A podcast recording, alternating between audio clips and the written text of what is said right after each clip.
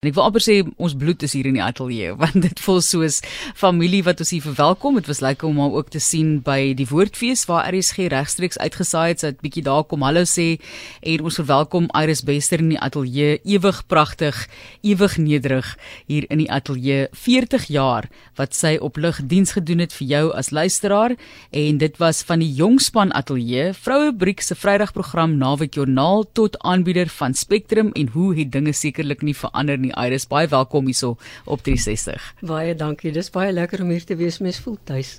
is dit baie anders vir jou? Nee, is jy nou dan want jy het die hele tyd betrokke gebly ook Ja, ek het die hele tyd ek het naak afgetree, mos nou ook nog hier in hierdie selfe gebou bietjie kom werk en dokumentêre programme gemaak en betrokke by die Woordfees, so ja. Eerste herinnering vir jou as nog voordat jy gewerk het van Afrikaanse radio. Wat onthou jy van die luister van radio as kind? O, ons het baie radio geluister. Kyk, daar was mos nou net televisie nie en my ouers het onder andere onthou ek die deploys van Soetmelksvlei geluister. En dan het haar, my ma se pa, elke aand na die uitsending gebel en dan het hulle daai storie bespreek. So ja. ons ons het groot geword met die radio, die eie keuse, al daai tipe van programme en ook Springbok radio. My pa het nogal gehou van Springbok radio se stories en hulle het interessante programme gehad uh, besprekingsprogramme, wedstryde. So dit was dit was wat ons gedoen het vir en, vermaak. En jy verwys na die oudste program op radio, u eie keuse. Daai konsert is die 29ste Saterdag 8 hierdie aand. Onthou, daar gaan nie 'n herhaling wees nie. Daar is geen pot gooi nie. Jy moet ingeskakel wees of sit daarso in Auckland Park vir die uitsending. Dis aan 29 Oktober 8 hierdie aand Saterdag. Jy eie keuse die konsert. Maar ek weet daar's baie baie herinneringe jou eerste oomblik op lig want dit is ek onthou my eerste dag wat ek uitgesaai het. Dit het vir my gevoel na die tyd asof ek 'n maraton gehardloop het. Daar was nie vreeslik baie opleiding daai tyd gewees het. Dit was nou by Anastasie. Kan jy onthou wat jou eerste ervaring was? Nie eintlik duidelik nie, maar ek onthou die ateljee baie goed en uit die aard van die saak het jy so half ingeskuif by die ervare omroeper wat nou vir jou 'n kans gegee het om hier en daar iets te sê sodat jy aan die mikrofoon kan gewoond raak. Maar ja, ek ek dink ek was nogal gemaklik met die radio. Dit was vir my lekker, dis wat ek wou doen, dis wat ek my hele lewe wou doen. So dit was 'n goeie en 'n aangename ondervinding. Jou roeping. Ja.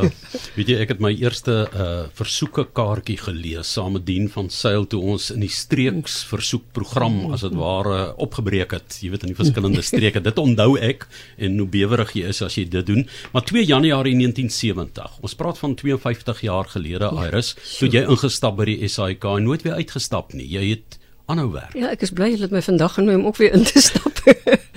ja, ek het ehm um, my diens bietjie onderbreek op 'n stadium toe my kinders kleiner was, het ek vryskut gewerk en televisiewerk gedoen.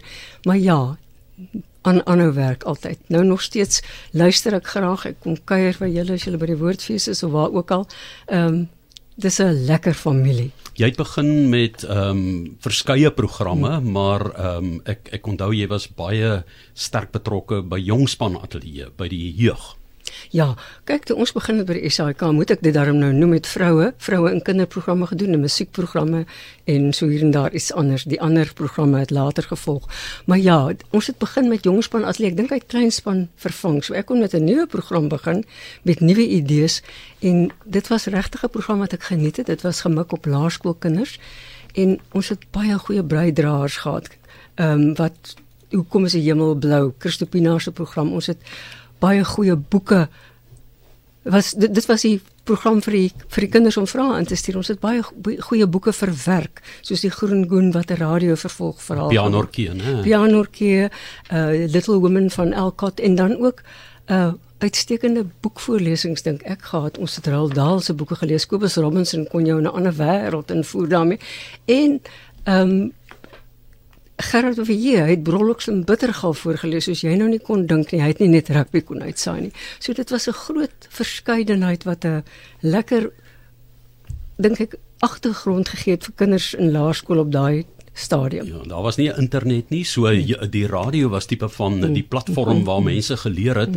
Uh het jy nie ook met Jubero Malherbe saamgewerk ja. met die vir die vir die klassieke musiek? Klassieke musiek, sy het 'n reeks gedoen waar sy uh ek dink al die operas gevat het, hoeveel ballette en dan het sy die storie vertel en die musiek gespeel en vir die kinders daaraan bekend gestel. Dit was 'n baie lekker program en dan het Hanlie van der Merwe tikkel tokkel tuis gedoen. Dit was 'n program wat kinders by die huis kon instrumente maak. Nou dink jy dis radio, hoe gaan dit werk? Maar hulle daai instrumente ingestuur en dan het Hanelie musiek daarop gemaak. En dit is later by die SAIK uitgestal. So dit was 'n manier waarop kinders betrokke kon wees selfs by wat by die SAIK uitgestal word. Ek neem aan dit was kassette gewees in 'n koevertjie. Waarskynlik. Ja. Moeilik om te verwerk en te knip en te redigeer eintlik, maar eh, kom ons stap af van die uh, jongspan ateljee af en uh, ek wil sommer 'n net voor ons die sprong maak na aktualiteit wat jy in die 90er jare voltyds ingegaan het met 'n fantastiese agtergrond toe al van opleiding. Ehm um, jy het gepraat van die manstemme wat belangrik was om nuus te lees en om sekere programme te doen. Ehm um, jy het intussen die dinge dramaties ja. verander. Dit lyk baie anders, maar die vroue het bepaalde rolle gehad in daardie tyd, maar jy het goed oor die weg gekom. O ja, nee, ons het baie goed oor die weg gekom. Daar was glad nie 'n probleem daarmee nie. Ehm um, ek onthou praat jy nou van nuus. Ek moet dit ter koste van myself vertel. Een ek en Sarah het studente waar ja gedoen en toe sê ek een aand vir my nou vanaand gaan ek nuus lees, né? toe maak ek so flop af van Dit het moeilik gemaak vir die vroue vorentoe. ja, gelukkig was dit eenmalig. Nou nou kon ek dit. Maar ek was nie eintlik regtig voorberei nie, was bietjie voorbarig van my en ja, toe kry boontjies en loontjie. Paar van die name met wie jy nou skouers gestuur, geskuur het eintlik um, ook wat jou gevorm het van daardie stemme waarvan ons praat, ja. maar wat um, uitmuntende programbestuurders en omroepers was en programmakers. Daniel Kerstyn was waarskynlik een van die interessantste mense op daai stadium by die SAIK met sy wonderlike sin vir humor. Morgel van Tonner was daar Pieter de Bruin was die hoof van die Afrikaanse diens toe ek daar aangesluit het.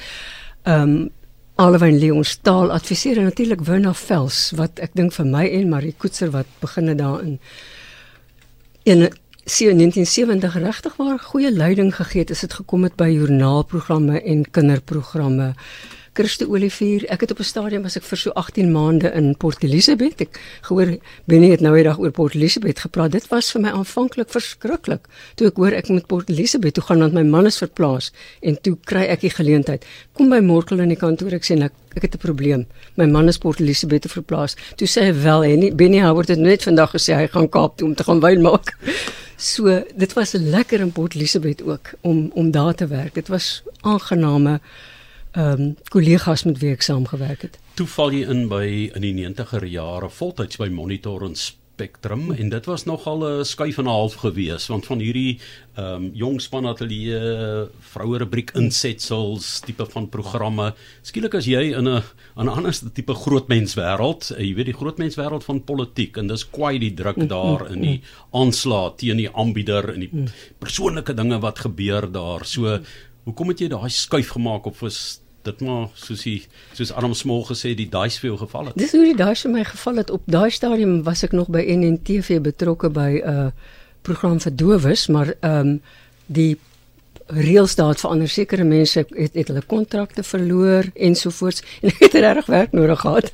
Toe gaan ek na ehm um, Sarel toe en Sarel sê vir my maar Chris Lou het iemand nodig, maar Norma Odendaal gaan uh Australië, Nieu-Seeland toe en ek het daar ingestap en toets gedoen en die werk gekry en dit was vir my 'n fantastiese uitdaging.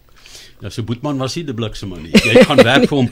Ek het nou Arm Smol genoem, maar uh, dis een van die groot toekenninge wat jy ontvang het en dan ook vir Betty Silje Barnard uh, ja. se werk. Is dit vir jou van sal ek sê uitstaande toekenninge en vererings wat jy ontvang het? Wat lê jou na in die hart waar jy vereer is? Ek dink daai spesifiek daai twee programme omdat ehm um, dit radioprogramme was. Ek dink is 'n uitdaging. Jy sal ook weet om 'n radioprogram kleurvol te maak, né? Om al die inligting en insetsels te kry wat daarvan 'n interessante program maak en regtig waar met Betty het ek met wonderlike mense saamgewerk onder andere Mimi Koortse, professor Elise Botha, Ma Marinus Wiggers, almal het bydraes gelewer. En dieselfde met Adam Smol, toe was hy nog nie bereid om self oor die op die radio te praat nie. Dis voordat hy weer beskikbaar was. Maar daar was soveel materiaal by die argief wat ek kon gebruik en natuurlik digters wat oor hom wou praat. Daar's 'n wonderlike projek wat ontwikkel het. Digters het begin gedigte skryf vir hom wat ons in die joernaal in die uh, dokumentêre program gebruik het soveel sodat ons later 'n bundel kon saamstel met samewerking met die woordfees vir Adam Smol. kan jy glo beide het oor kleur gegaan, né? Dit is ons land, né? Ja. Daardie daardie kleurpalet waarin ons leef en wat ons eintlik weer kaats van die radio af en Martlies, jy het nou gehoor hoe Iris nou ek wil amper sê in die vroue era wat geskei was in kompartemente groot geword het, jy self het politieke wetenskap gaan studeer. So deesdae is die terrein anders, né? En Ja, ek ben, jy kan 'n bietjie namens die vrou by RSG praat.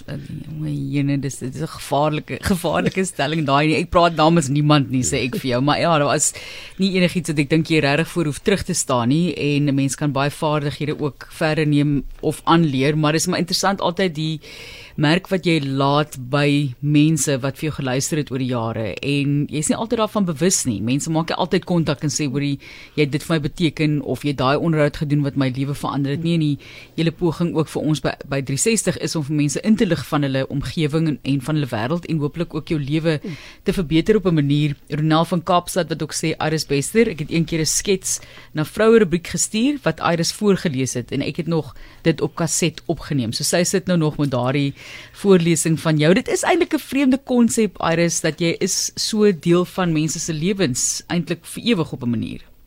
Ek is bly om dit te hoor want dit is vir mens lekker om dit te hoor. Dit is lekker om te weet mense het die werk wat jy gedoen het geniet want ek het dit soveel geniet. Ek dink dis wederzijds. Ek het iets gehoor iewers wat ehm um, jy het nou so half gesê van die nuusbulletin wat jy nou, jy weet, heeltemal opgevrommel het oor die lig, maar dat jy by geleentheid 'n klassieke konsert bietjie tempo gegee het. Vertel vir ons daarvan en hoe dit gewerk het want dit was ek dink Marlies het groot geword met 'n platespeler by haar Ja, pa met daai mm, top definitief. Springbok top 20 treffers en al daai dinge, jy weet, maar vertel hulle van daai geleentheid of was dit 'n verleentheid vir Iris Bester? Nee, niemand het dit agtergekom nie. Dis wat so snaaks was. Ons het middagkonsert gehad. Johan Stemmet was die baas van middagkonsert en jy het mos nou draaitafels gehad, vier wat jy moet opstel in die plate en bandmasjiene met die bande nog tot 2000. Maar in elk geval, ek het die hele middagkonsert op plaas van 33 revolusies per minuut op 45 gespeel. en niemand het dit agtergekom nie. Niemand het nie gebel nie. Ek het net gesien toe dit vroeg klaar maak, hier's nou 'n probleem. Toe speel ek maar filler musiek. Ja, so pam pam pam pam gaan pam pam pam pam pam pam pam. So jy jy het 'n lekker vrolike middag gemaak. Ja. Dankie Iris. Dat jy so die toekoms gesien het. Mense se aandagspanne is 'n bietjie bietjie korter vandag. Ons speel ons net eenvoudig dit vinniger.